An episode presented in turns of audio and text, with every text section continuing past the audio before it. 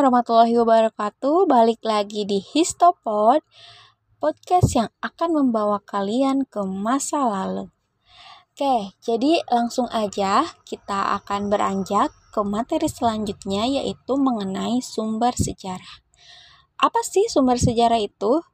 Ya, seperti kalian tahu, sumber sejarah itu adalah satu peninggalan atau satu benda atau satu bentuk tulisan atau apa pun itu yang wujudnya ada jelas yang bisa digunakan sebagai saksi bahwa sejarah itu pernah terjadi. Itu pengertian dari sumber sejarah. Oke, itu simpelnya ya.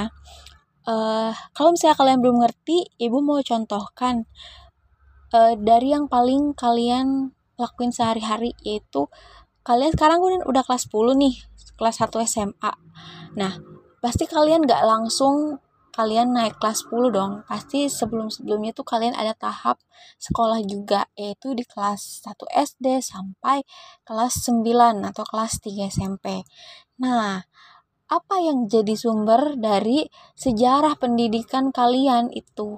Ya bisa sumber tertulis yang kita ambil yaitu buku tulis kalian. Nah, buku tulis kalian itu adalah sumber dari sejarah hidup kalian di bidang pendidikan kalian. Oke, itu contohnya ya. Oke, kita langsung ke materi aja.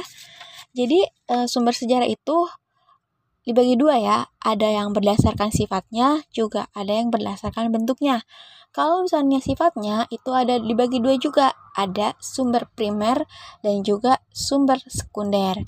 Kalau sumber primer itu sumber utama, sumber inti, sumber langsung uh, pelaku sejarah itu sendiri. Uh, Ibu kasih contoh misalnya uh, sekarang kan bulan September nih, pasti bentar lagi rame tuh ya film G30 SPKI. Nah, siapa sih sumber sejarah di peristiwa G30 SPK itu yaitu Ahna Sution misalnya. Beliau adalah sumber sejarahnya. Ya, jadi sumber sejarah itu adalah orangnya, pelakunya yang ada pada saat kejadian sejarah itu terjadi. Itu. Nah, itu sumber primer. Terus kalau misalnya sumber sekunder yaitu sumber kedua atau bisa dibilang sumber yang ditulis oleh sejarawan atau sumber yang ditulis oleh uh, orang lain gitu. Orang lainnya yang dalam artian ya mereka sejarawan gitu. Misalnya uh, Soekarno tentang Soekarno ya. Contohnya itu Soekarno kan ada buku yang judulnya biografi Soekarno yang ditulis oleh Cindy Adams. Nah, Cindy Adams itu adalah orang yang menulis biografi Soekarno. Dan buku biografi Soekarno itu adalah sumber uh, sekunder dari Soekarno itu sendiri. Kalau sumber primernya Soekarno yang mana? Oh ya jelas, bisa jadi istrinya beliau atau bisa jadi anak-anaknya beliau. Itu adalah sumber primernya Soekarno. Oke, kita lanjut. Uh, selain sifatnya, sumber sejarah juga dibagi ke dalam bentuknya yaitu dibagi menjadi artefak, ada fosil, ada sumber tekstual, ada sumber kebendaan, juga sumber audiovisual. Nah, di sini kalian bisa baca ya di LKS, Ibu hanya akan menjelaskan apa yang ada di uh, eh, LKS aja.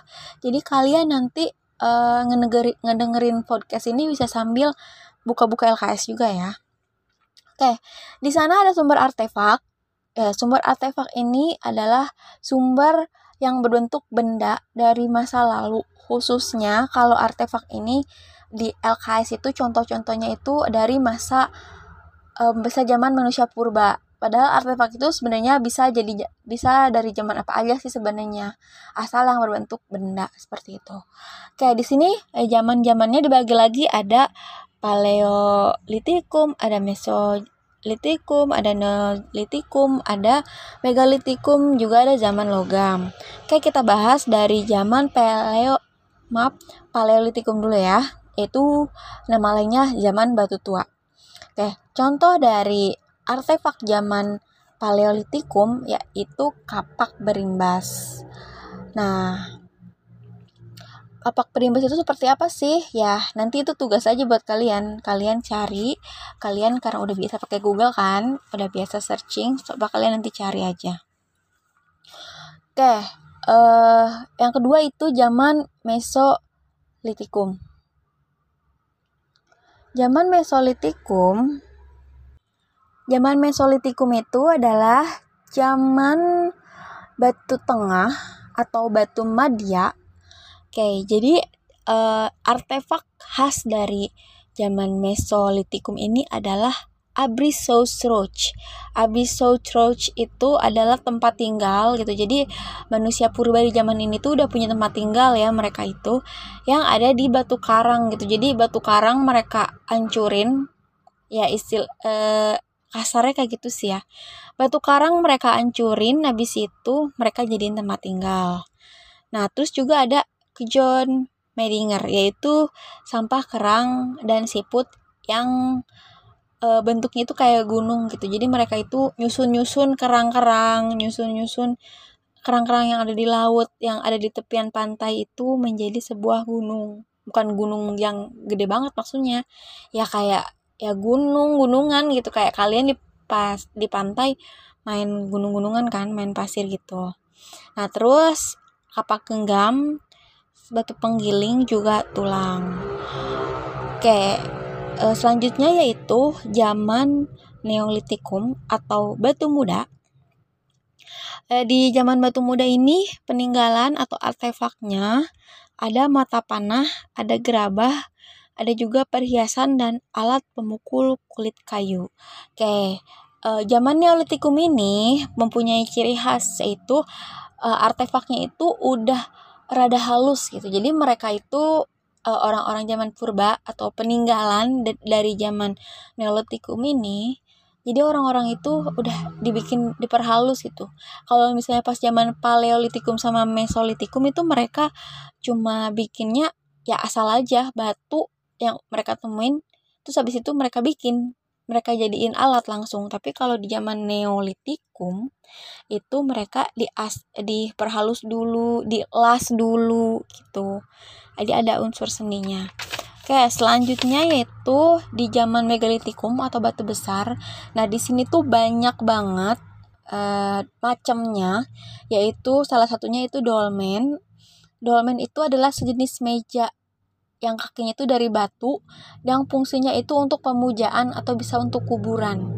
Nah, terus kedua sarkofagus yaitu atau uh, yaitu lesung atau palung yang fungsinya itu buat keranda atau tempat mayat. Kalau misalnya kalian penasaran bentuknya sarkofagus itu kalian bisa e, bentuknya aja nih ya. Kalian bisa cari di Alpha Kinder Joy mainan anak itu Kinder Joy. Nah bentuknya itu seperti itu. Terus selanjutnya yaitu kubur batu e, sama aja sih fungsinya kayak sarkofagus yang tadi yaitu buat e, kuburan juga. Nah tapi ini tuh lebih uh, berpisah gitu. Maksudnya kayak ada atapnya terus bawahnya tuh susunan batu kayak gitu. Jadi kalau sarkofagus tadi kan bulat bentuknya. Kalau kubur batu itu lebih ke kotak kayak gitu.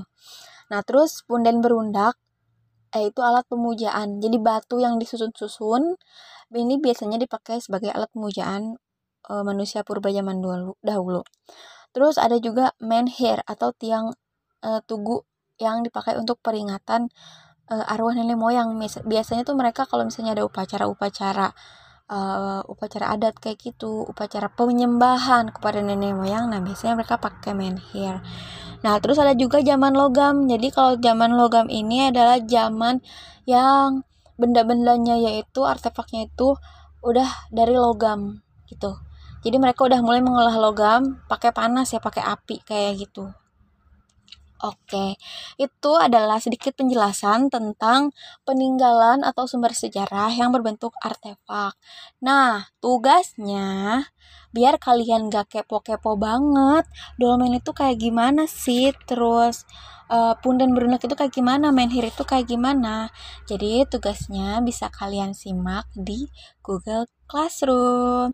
Oke, segitu aja pemaparan dari Ibu mengenai artefak di bab sumber sejarah ini. Selamat uh, mendengarkan, selamat mengerjakan tugas, dan juga selamat bertemu lagi di podcast selanjutnya. Dadah!